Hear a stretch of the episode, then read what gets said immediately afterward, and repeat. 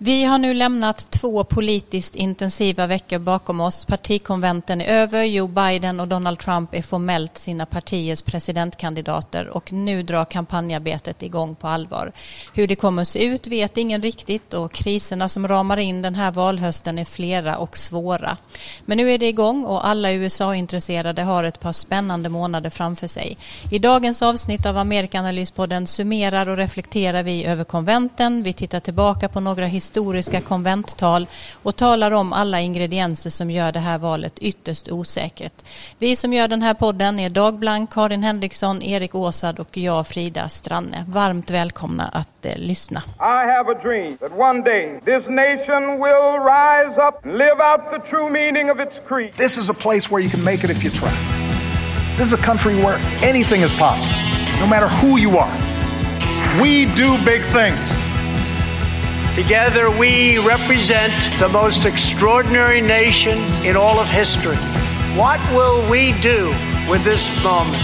How will we be remembered? Ja, hej Dag, Karin och Erik. Hej. Hej. hej, hej. Kul att ha er på tråden igen och prata konvent och val med er som har följt så många.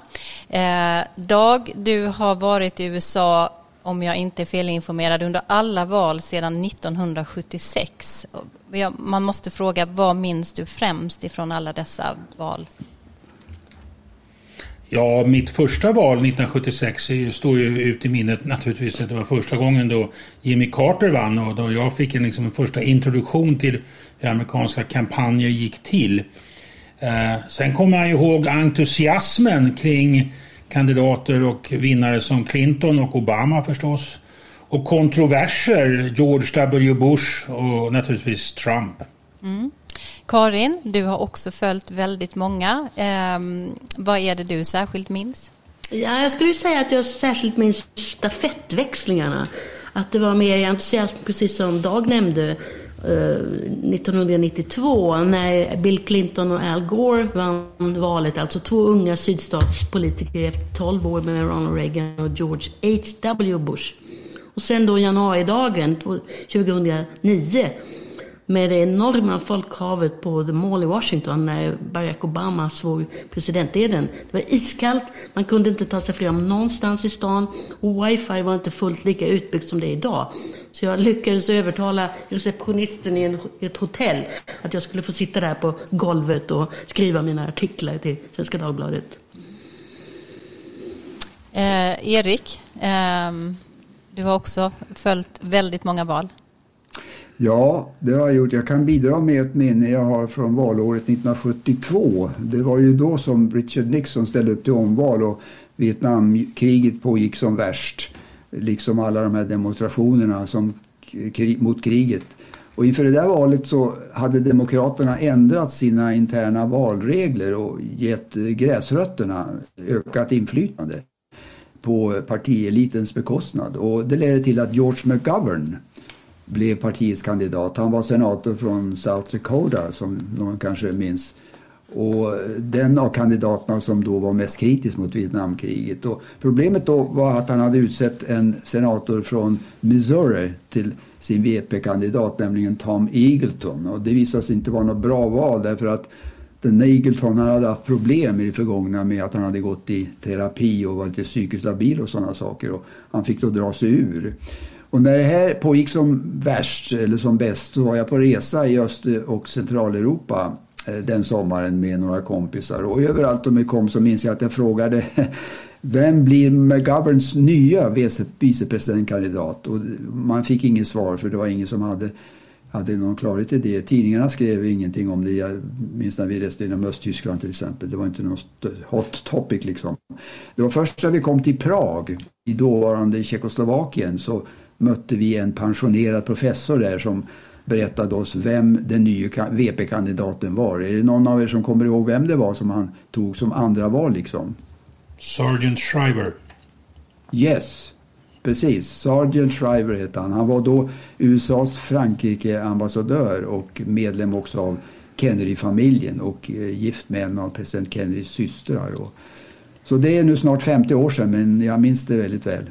Oj, ja.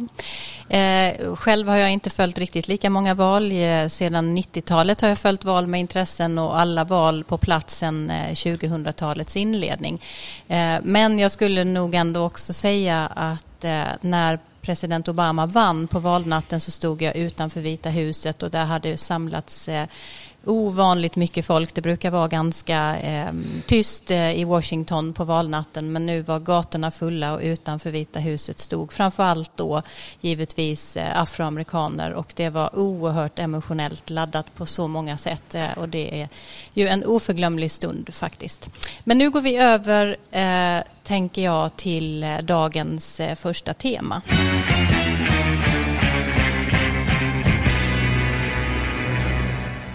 Ja, så är ju alltså båda konventen eh, genomförda för första gången helt eller delvis digitalt, vilket ju gjorde de här till något helt annorlunda än vad vi är vana vid. Partierna har nu presenterat sig och sina bilder av läget i landet och vilka visioner man ser framför sig för framtiden och vad som kommer att vara viktigt under det här valet. Bilderna kunde inte vara mer olika. Vi ska sammanfatta och analysera de här konventen nu och om vi börjar med Demokraterna, vad skulle du vilja lyfta, Karin? Jag skulle säga att det var ett förhållandevis enat parti som framträdde med ett enda mål framför ögonen, nämligen att Donald Trump måste röstas bort. Fyra år, med honom, fyra år till med honom skulle vara en katastrof för USA och världen. Och flera av talen då, inte minst Michelle Obamas och Barack Obamas, fick ju toppbetyg och Joe Biden klarade sig mycket bra. Och vänsterfalangen retade in sig i ledet. Och eh, Bernie Sanders eh, visade sig vara lojal och eh, tycka att alla måste rösta på Joe Biden. Men AOC, som hon kallas, Alexandria Ocasio-Cortez, som är en av de här unga, mer radikala kongressledamöterna, hon fick bara fem minuter på sig, vilket var mindre än republikanen, en av de republikanska gästerna, den förre Ohio-guvernören John Kasich och också presidentkandidat för Republikanerna. Han fick eh, alltså mer tid på sig och överhuvudtaget så kommer det nog bli spänningar nu de närmaste veckorna inom det, det partiet, alltså om, om, de, om deras profilfrågor helt enkelt, sjukvården och, och nu polisen, vad Biden kommer välja för linje. Mm, ja, för enigheten under konventet just inriktat på att Trump måste väljas bort eh, speglar ju egentligen inte partiet som det ser ut idag eftersom det finns väldigt skilda uppfattningar, ju, eller hur? Ja, visst, och, och, och som sagt, eh, det, det, är flera frågor, tunga frågor, där man måste enas. Och, och dessutom då mot bakgrund av att, att, Donald Trump verkligen siktar in sig på det som ändå måste sägas vara lite svaga punkter, till exempel miljö och energi. Vad är det Demokraterna vill göra? Och det är så lätt då för honom att säga att de, de vill stoppa all oljeborrning och det är naturligtvis inte sant. Va? Men hur, hur kontrar man det? Mm. Erik, eh, vad har du eh, hakat upp dig på, höll jag på att säga, men fastnat för under konventet? Ja, inför det här konventet så Mm. Jo, eh, inför konventet så hade ju Republikanerna utmålat Joe Biden som en svag ledare som har varit med alldeles för länge i politiken och en person som inte kan formulera ens två meningar sammanhållet. Eh, det var inte så bra visade det sig. Eh, för att då la de ju själva ribban väldigt lågt inför det här talet som Biden höll. Och eh, jag håller med Karin där om att han, höll, han överträffade förväntningarna och höll ett mycket, mycket starkt tal. Särskilt om man betänker att det ägde rum i en miljö som inte var särskilt tilltalande för en talande. Det var ju folktomt och bara strålkastarna och tv-kamerorna fanns, fanns på plats. Eh, I övrigt tycker jag det var intressant att många av de här Trump-kritiska republikanerna som framträdde på konventet och kanske särskilt då John Kasich som ju själv var, var kandidat för Republikanerna, presidentkandidat 2016, att de var så pass framträdande som de var. Och även då att partivänstern med några undantag hölls liksom tillbaka. Eh, Bernie Sanders fick ju stor plats men AOC som vi hörde väldigt lite. Det här var i hög grad tycker jag particenterns eh, konvent och det mesta tiden ägnades ju åt att tala om vilken fantastisk person är eh, Joe Biden, hur, vilken familjefar han är, hur empatisk han är och så vidare. Och å andra sidan då hur eländig och frånstötande Donald Trump är. Eh, men liksom republikanerna på sitt konvent nästan enbart talade till sina egna väljare så talade ju demokraterna å sin sida i huvudsak också till sina kärnväljare, alltså minoriteter, kvinnor, yngre väljare. Eh, och jag tycker att man knappast kan få en tydligare illustration till den här djupare djupa eh, splittringen som finns i den amerikanska politiken än just eh, den inriktningen från båda partierna. Mm, och det har ju hyllats mycket, både Michelle och Barack Obamas tal till exempel som ju var eh, väldigt väl framförda men det var också eh, ju verkligen hårda ord mot den sittande presidenten och eh, mig veterligen en, eh, ett unikt tal som Barack Obama höll med väldigt hårda ord eh, om sin efterföljare och hans karaktär och annat. Eh, och jag är inte helt säker på att eh, det är så väldigt lyckat när det gäller framförallt eh, mittenväljare, republikanska mittenväljare som man vill få över att det var så mycket fokus på Trump som det faktiskt var och kanske lite för lite på eh, egna visioner och politiska sakfrågor. Vad, vad säger du Dag? Ja, jag tyckte, jag håller med vad ni säger allihopa här. Jag tyckte det var intressant att lyssna till Barack Obama, med paret Obama förstås. Men om man tänker på honom, han har ju alltid varit en, en optimist kan man säga. Yes we can. Och han har trott på att USA har möjligheter att klara av de stora problem som landet har haft. Och han framför ofta sådana åsikter. Eh, nu stod han där i Philadelphia och talade väldigt mycket om konstitutionen. Han var ju själv, har ju själv undervisat, undervisat i konstitution, konstitutionell rätt, constitutional law, vid University of Chicago. Och han, man märkte att han var väldigt orolig. Den här optimismen om att det ska gå att fixa problemen som finns. Den var inte närvarande lika starkt som vanligt utan här fanns en stor oro, en, en skepsis här för vad kommer att hända? Kommer det amerikanska politiska systemet att hålla? Det fanns en, en varnade för att det kunde gå Eh, i mycket illa och gå i fel riktning eh, under fyra år av Trump till. Och det tyckte jag var någonting nytt. Det har man inte hört från Obama tidigare och det är exceptionellt naturligtvis. Precis som Frida säger att en före detta president på det sättet så, så starkt uttalar sig om sin efterträdare och säger att han är en fara för det amerikanska politiska systemet. Mm. Vi kommer ju också eh, till republikansk Republikanernas konvent. Men eh, vad jag tänker också är ju att det här var ju en, en eh, ett pärlband av eh, väldigt starka profilerade politiker och kända eh, människor som eh, radade upp sig på Demokraternas konvent. och eh, på Republikanerna sen så fick vi se väldigt mycket mer vanliga amerikaner. Det har givetvis att göra med att Donald Trump har svårt att få eh, profiler att ställa upp på hans konvent men det tror jag ändå var en eh, väldigt eh, bra sak eh, av Republikanerna att lyfta alla dessa röster runt om i landet av vanliga ordinary americans som eh, på olika sätt stödjer Trump. Så vad säger ni om eh, Republikanernas eh, konvent? Eller Karin, ja, du kanske vill säga någonting om Obama? Det var en helt annan bild av den sittande Alltså, ja, Obama. Mm. Förlåt, jag ska bara säga något kort om Obama. Mm. Att ja, det stämmer ju att det är aldrig någon som har gått ut så hårt men, mot, mot eh, efterträdaren. Men han kanske helt enkelt har fått nog. Så mycket som Donald Trump har hackat på honom och hans eh, jobb och dessutom då försökt att omintetgöra allting så kanske han tyckte att det var dags att ge igen. Absolut. Det är inte svårt att förstå att han har den känslan att han vill göra det. Frågan är ju, och det, det får vi ju se framåt, om det är rätt taktik av, av Demokraterna och, och eh, gå så hårt på. Det kan ha varit rätt taktik om man tittar på vad är det för frågor som demokratiska väljare prioriterar i årets val. Och då är det faktiskt inte sjukvården eller ens ekonomi och liknande frågor som är nummer ett utan det är att få bort Donald Trump från makten. Så jag tror det var en ren, ren kalkyl från Demokraternas partiledning att det är det som vi ska gå ut med som huvudtema här. Mm.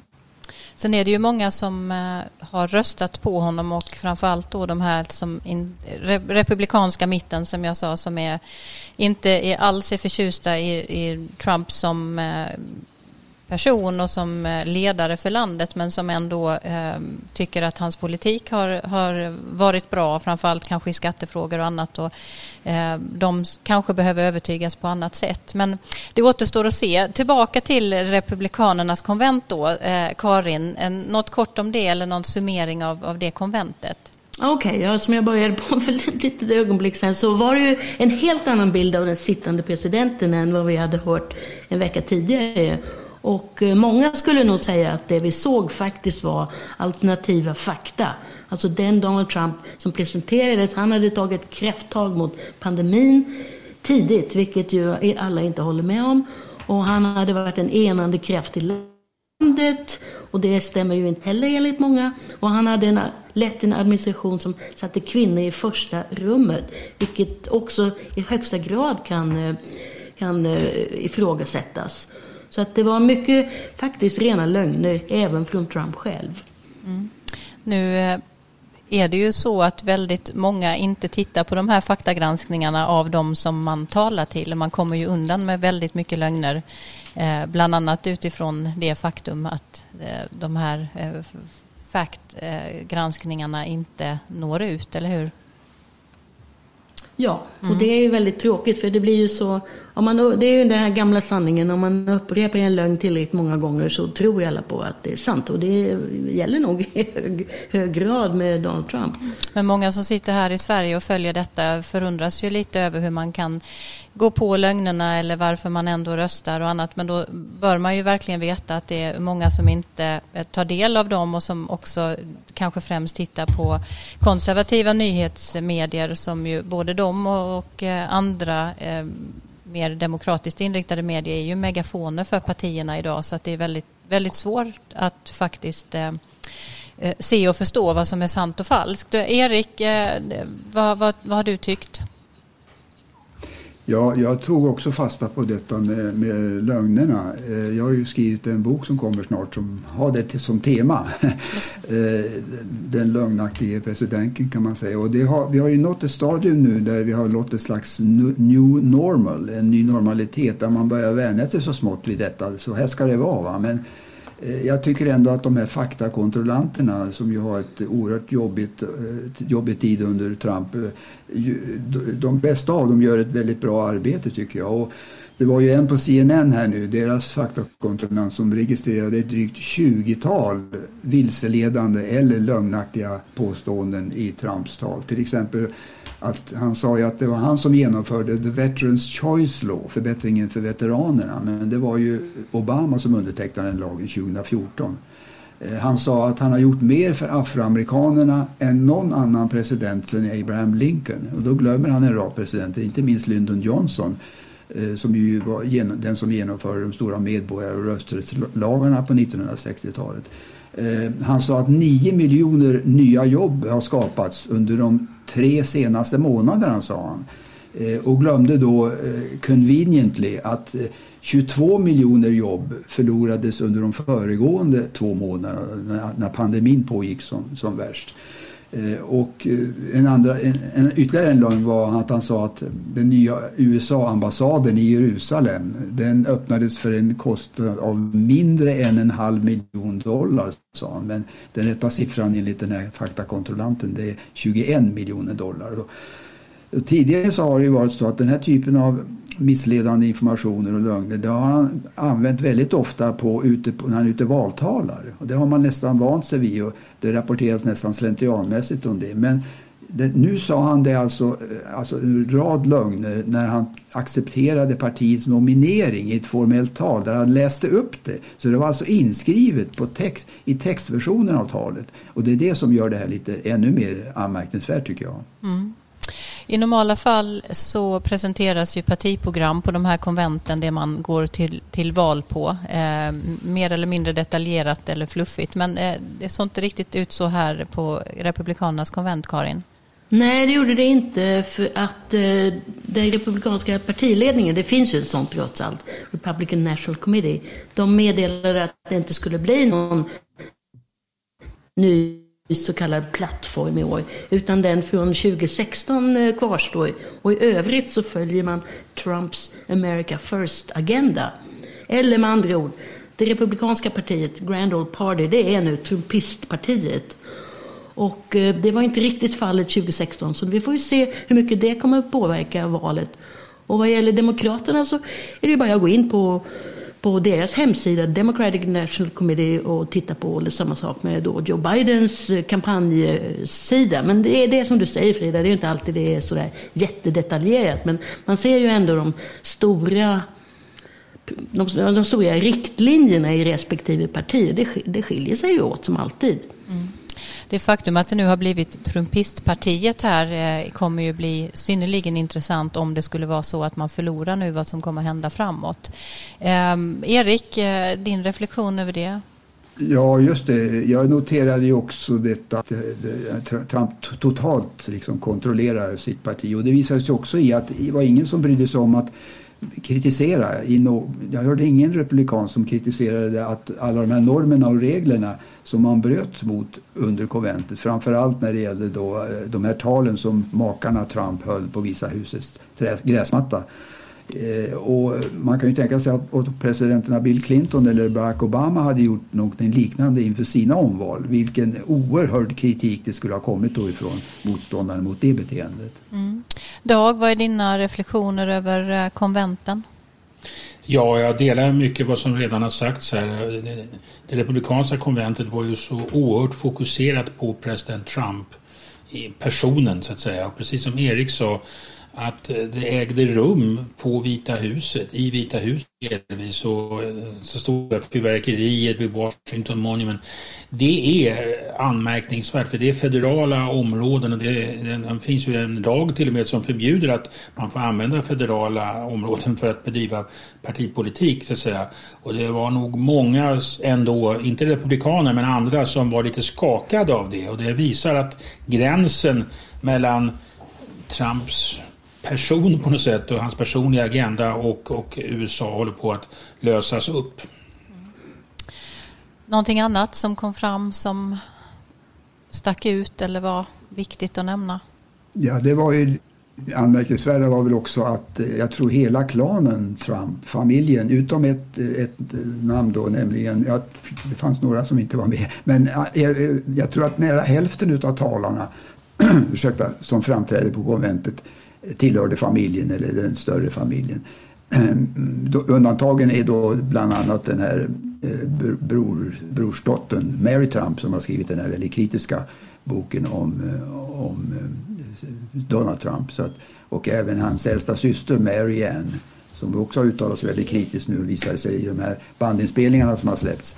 De var naturligtvis inte inbjudna och ville inte vara med heller. Men det var, det var en oerhört stor prägel som hela familjen satt, satte på det, på det här konventet. Mm. Jag tycker nog ändå att båda konventen handlade väldigt mycket om personerna som står mot varandra och karaktär och erfarenhet och annat och att även Demokraterna var väldigt inriktade på både på Biden, eh, att, ja, hur man framställde honom, men också på att faktiskt göra ner sin, sin motståndare. Jag tror kanske det är en from förhoppning att eh, önska eller tro att eh, kampanjerna och debatterna som väntar nu ska handla mer om sakpolitik. Det här. Men eh, man skulle kanske önska det för, för väljarnas skull. Men vad ska vi tro? Vem var mest övertygande? Karin? Ja, alltså bara kort eh, om, eh, man kan väl ändå säga, visst att det hörde ändå till på konventen att presentera kandidaten och i och med att Joe Biden är ny i den rollen var det kanske inte så konstigt. Och han har ju också tvingats att hålla sig i bakgrunden på grund av eh, coronaviruset, så det hörde väl till. Men vad gäller då, ja, vem som vann, det får vi ju se, men det är, jag tror också, det, så har det varit hela tiden nu med Trump, att eh, åsikterna är rätt så grundmurade. Att de som älskar Trump, de älskar honom och de som hatar honom, de hatar honom. Och eh, Trump själv sa ju att detta är ett av de viktigaste valen. Och det säger man naturligtvis alltid. Men jag tror att han har rätt i det här fallet. Men sen det, blir det svårt för Demokraterna nu att slå tillbaka mot det här. De är ju inte socialister. Joe Biden är ingen trojansk häst. Och de, är inte, de förespråkar inte anarki och laglöshet eller öppna gränser eller avsätta författningstillägget om och, och, och, rätten att bära vapen. Så att, hur, vad, vad, ska de göra? Det är väldigt svårt att, att slå tillbaka där, tror jag. Mm. Eh, ja, eh, Erik?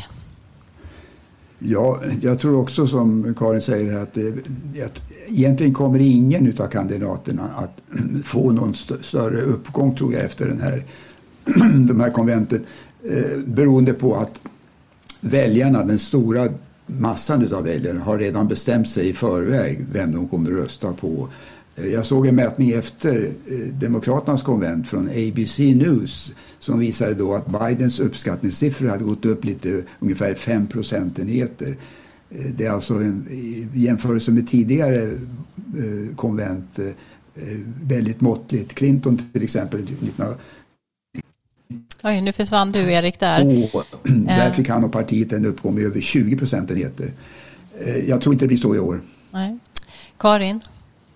Någon annan reflektion? Ja, jag tror, ja, möjligen kan man säga att Demokraternas konvent, då det här digitala konventet, var kanske lite mer proffsig som eh, citat produktion, slutcitat, om man nu kan använda det ordet.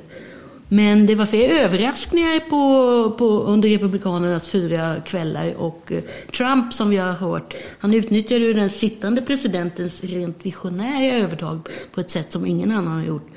Och som, som vi har sagt tidigare så var det kommer ju inte någonting att hända. Trump har ju alltså återigen överträtt en regel, i det här fallet till och med en lag, som säger att det är förbjudet att, att bedriva partipolitik på federalt ägd mark eller fastigheter. Så att, mm.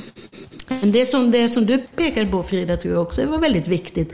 Att man hade de här vanliga amerikanerna som trädde fram och talade om sina hjärtefrågor. Så det, vi får se.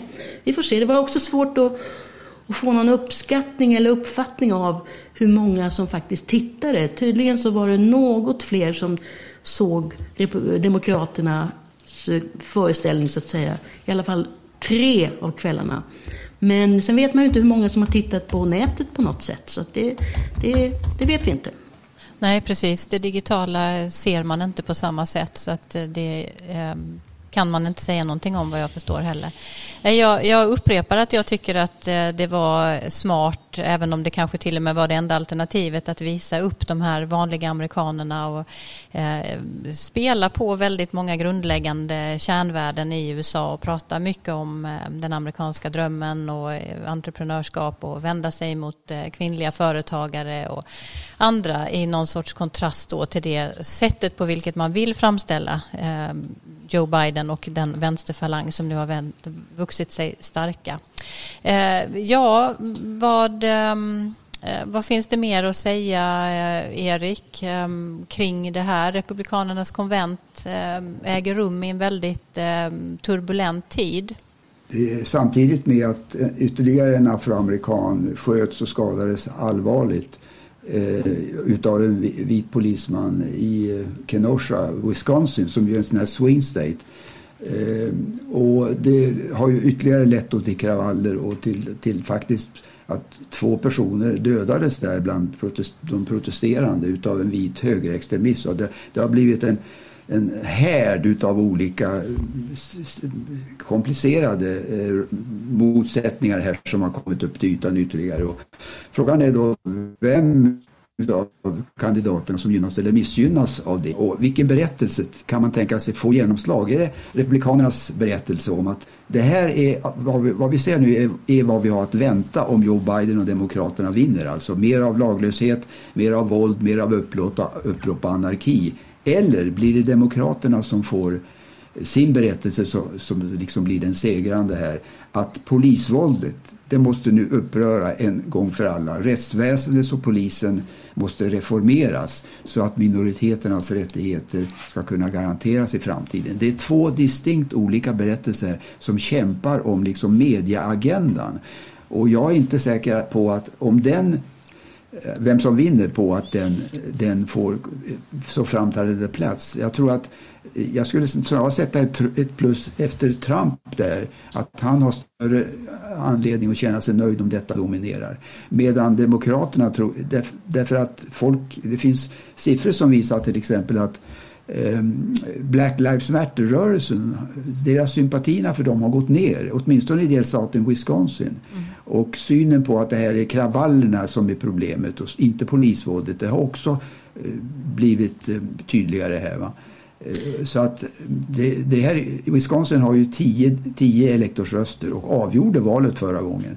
Och är det så att Trump kan rida på den här frågan ända fram till valet så, så tror jag att han har en fördel av det. Men, men om Demokraterna kan göra pandemin och inkompetensen i att hantera den till den stora grejen i, i valrörelsen, till sin stora berättelse, då har de en fördel där.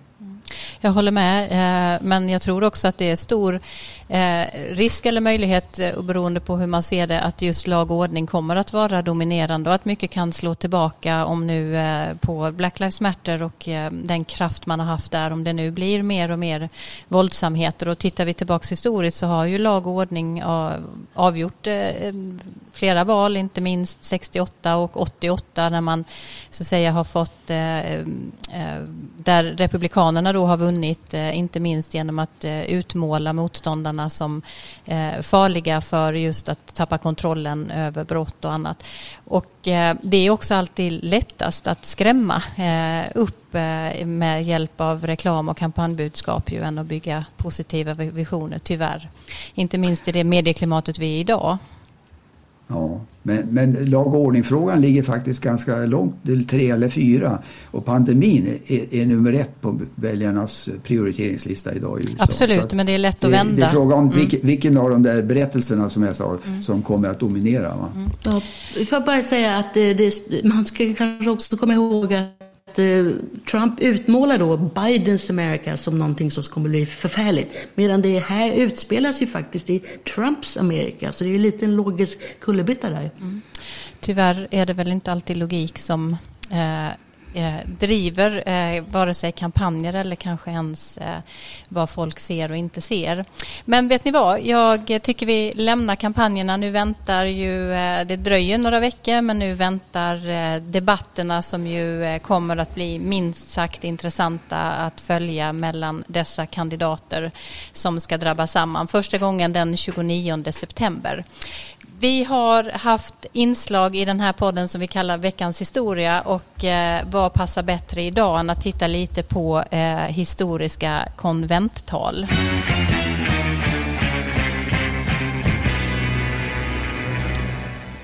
Ja, under konventen så levereras ju tal efter tal och några glöms bort i samma stund som de avslutas. Andra går till historien av en rad olika skäl. I centrum står givetvis presidentkandidaternas tal och Dag som vår historiker och en som följt många konvent. Om man tittar bakåt, vilka tal eh, skulle du vilja lyfta fram? Jag skulle vilja lyfta fram fyra tal i det här sammanhanget, fyra viktiga tal Två talare blev aldrig presidenter och två blev. Men inte det året som talet gavs. Så inga av de här talen är från vinnare, så att säga. Alla talen pekar dock framåt mot, på viktiga samhällsutvecklingar i amerikansk historia. Det första kommer från en av mina favoriter, vi har pratat om honom tidigare, William Jennings Bryan, som var eh, eh en dominerande politiker vid sekelskiftet 1900. Han blev nominerad tre gånger som presidentkandidat, men blev aldrig president. Han representerade populismen, den radikala kritiken mot ojämlikheter i dåtidens USA. Och 1896 gav han ett av sina mest berömda talet, så kallade Cross of Gold-talet. Och det handlade om en avgörande finanspolitisk fråga vid den kampanjen, guldmyntfoten som han menade och många menade gynnade storfinansen på arbetarna och böndernas bekostnad. Man ville gå över till silvermyntfot för att få billigare pengar.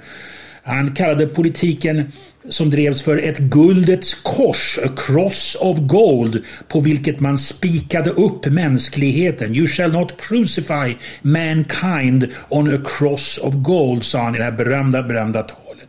Även om han inte vann så fick detta tal och populismen i allmänhet en stor betydelse för den progressiva reformrörelse som följde under de följande eh, årtiondena faktiskt. Så att detta Cross of Gold speech det var eh, småfolkets revolt och vi kan höra eh, en, ett, ett avsnitt från detta tal. You shall not press down upon the brow of labor this crown of thorns. You shall not crucify mankind upon a cross of gold. Ja. You shall not crucify mankind on a cross of gold. Och det blev ett väldigt viktigt tal. Mm. Eh, nästa tal eh, nästa är lite tal. längre fram i tiden. Ja, det kommer från 1948 i Philadelphia från Demokraternas konvent av, och det talaren är Hubert Humphrey, en välkänd demokratisk politiker. Han var då borgmästare i Minneapolis och blev ju senare senator och vicepresident under Lyndon Johnson. Men detta tal 1948 då talade han mycket starkt för att Demokraterna skulle anta ett långtgående program för medborgerliga rättigheter för svarta amerikaner. Det var ju under segregeringens dagar och Demokratiska partiet var inte vid den tidpunkten ett parti som förespråkade medborgerliga rättigheter som det kom att bli. Och det här talet är så att säga inleder, inleder den förändringen bland demokraterna som ju skedde i stor kamp mot de konservativa sydstatsdemokraterna och det var, Humphrey var ju då en nordst liberal nordstatsdemokrat. Eh, han också är tre gånger presidentkandidat 1952, 60 och 68. Och här kan vi höra när han argumenterar för att det är dags för Demokraterna att lägga om kursen. The time has arrived in America for the Democratic Party to get out of the shadows of states' rights and to walk forthrightly into the bright sunshine of human rights. Ja, var det ett väl framfört tal, Dag? Det var ett mycket väl framfört tal. Det fick stort genomslag och inledde den här omorienteringen inom det demokratiska partiet mot medborgarrätten och skapade splittringar inom det demokratiska partiet. Mm. Det tredje talet eh, som du har valt eh, går också lite längre fram i tiden. Sen kan vi gå fram till 1976 och av Ronald Reagan. Det är på konventet 1976 när Reagan hade utmanat den sittande presidenten Gerald Ford och eh, nästan besegrat honom men, men inte kommit hela vägen fram. Och när Ford hade accepterat nomineringen så trädde Reagan fram och hade någon sorts eh, concession speech när han erkände sitt nederlag. Men det talet blev liksom inledningen till hans kampanj 1980. Man förstod att detta var en stark kandidat och det lägger då grunden för Reagan-åren eh, under hela 80-talet, den konservativa eran. Och han talar här om vad amerikaner skulle säga om hundra år om de såg tillbaka på vad som hände 1976. Här kan vi höra det. And suddenly it dawned on me those who would read this letter a hundred years from now will know whether those missiles were fired. They will know whether we met our challenge, whether they have the freedoms that we have known up until now will depend on what we do here. Mr. President. Ja, minns du detta talet, Erik? Nu tror jag inte att vi har Erik med oss heller. Dag, är du kvar? Ja, jag är här. Mm, då får du säga någonting om detta istället, eh, hur, hur väl framfört det här var. Ja, det här var ett, jag minns det här talet väl. Jag följde konventet eh, i 1976 på tv. Eh, och eh, det var ett väl framfört tal och som sagt det la grunden för Reagans återkomst, så att säga, eller Reagans dominans under 1980-talet. Mm. Och sen har vi ett sista tal som du har valt. Vad är det för något? Ja, det är Barack Obama och hans berömda tal eh, 2004 vid konventet i Boston då han var keynote speaker.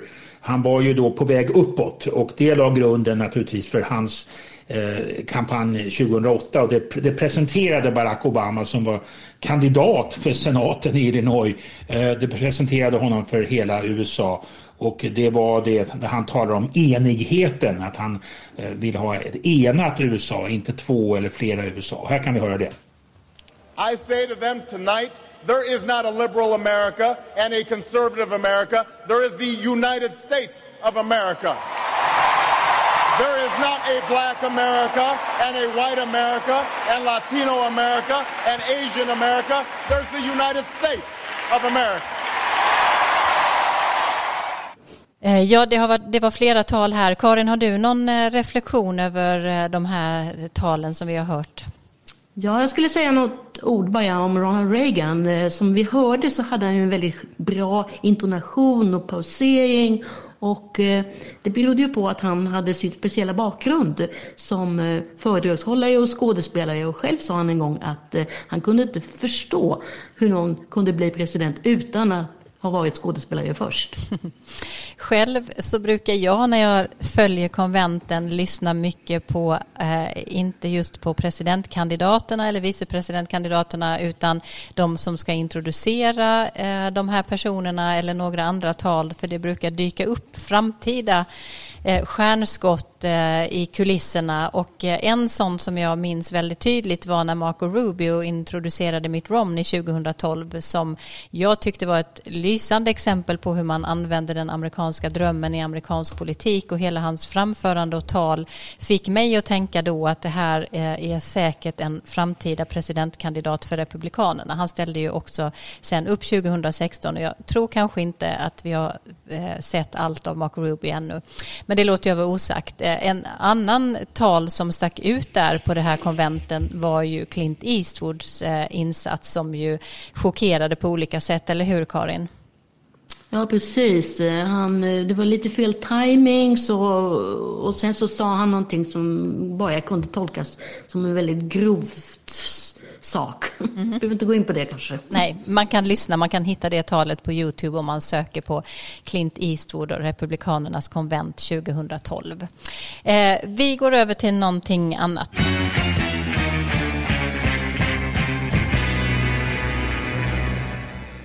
Ja, det är många saker som gör det här valet ytterst ovisst. Vi lever mitt i en rad dramatiska kriser. Effekten av coronapandemin, den ekonomiska nedgången och de landsomfattande kravallerna och protesterna mot polisvåldet och, och eh, mot eh, afroamerikanernas eh, situation eh, kommer alla att påverka valkampanjen och valresultatet på olika sätt. Men, ja, eh, Dag, på vilket sätt så tror du att de här kriserna kommer att eh, påverka?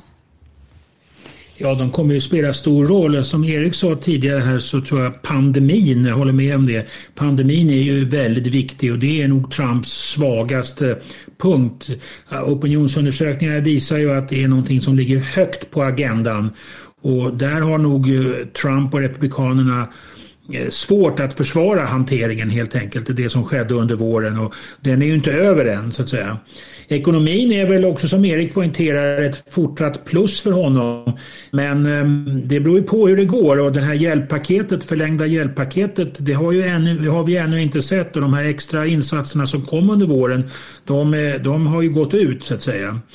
Jag tror också att en väldigt viktig fråga kommer bli under kampanjen och det vi hörde på konventen också, det är helt enkelt rasfrågan, våldet, lag och ordning, det vi talade tidigare om eh, så att säga. Och det, jag tror att det kommer dominera både det negativa när det gäller lag och ordning då, när, då blir folk oroade med kravaller.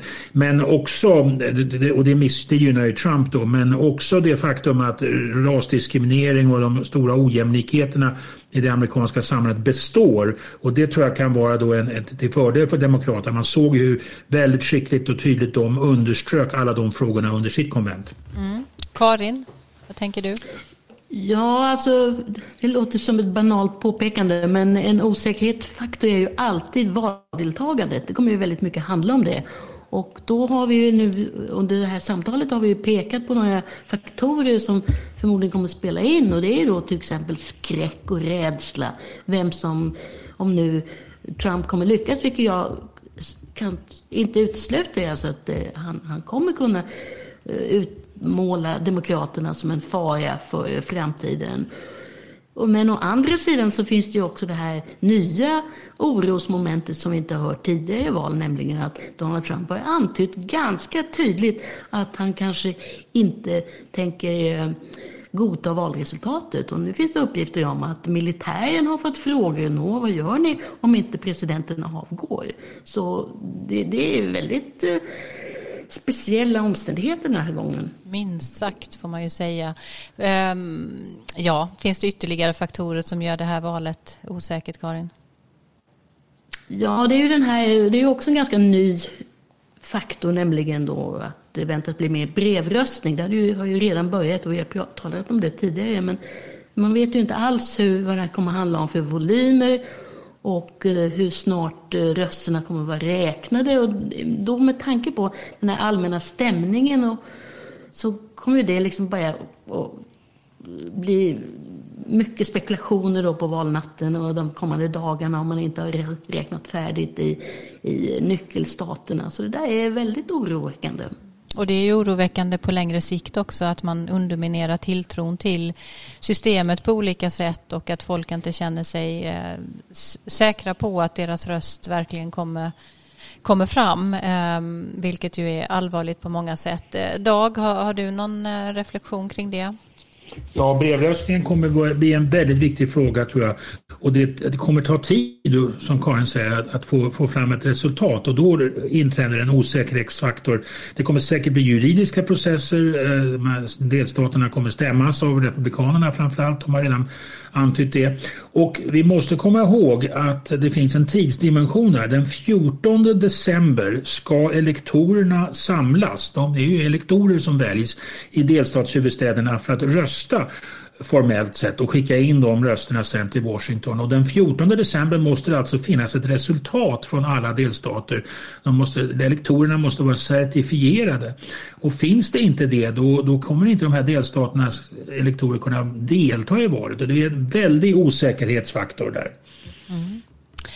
Ja, eh, vi kommer ju återkomma under hela hösten till olika sådana här osäkerheter som finns och det kommer ju att förändras eh, ständigt eh, och säkert blåsa vindar och det, åt det ena och det, eller det andra hållet eh, under de här två månaderna framåt. Eh, vi ska avsluta podden för idag på samma sätt som vi brukar göra, nämligen att eh, lyfta några bortglömda nyheter som ju alltid finns där i bakgrunden av nyhetsflödet.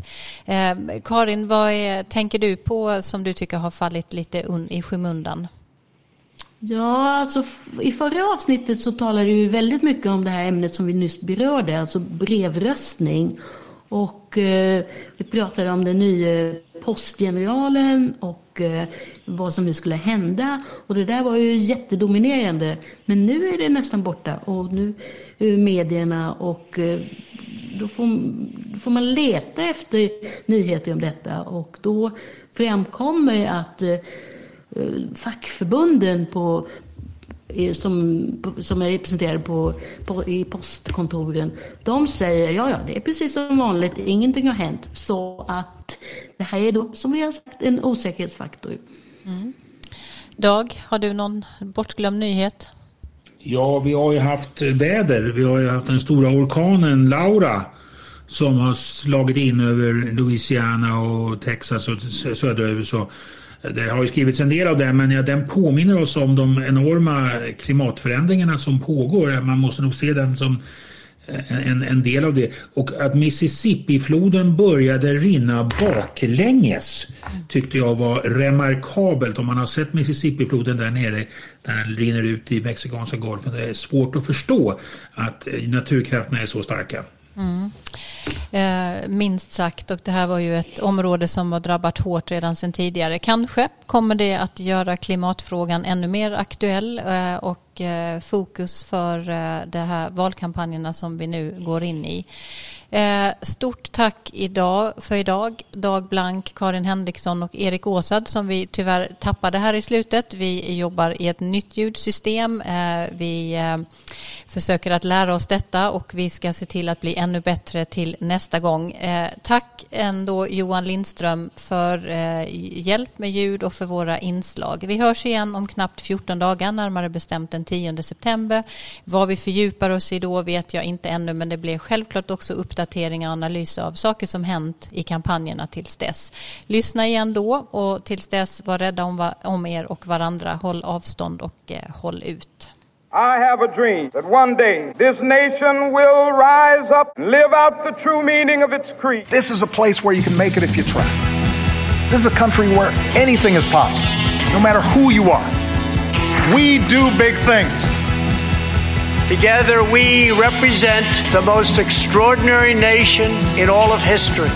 What will we do with this moment? How will we be remembered?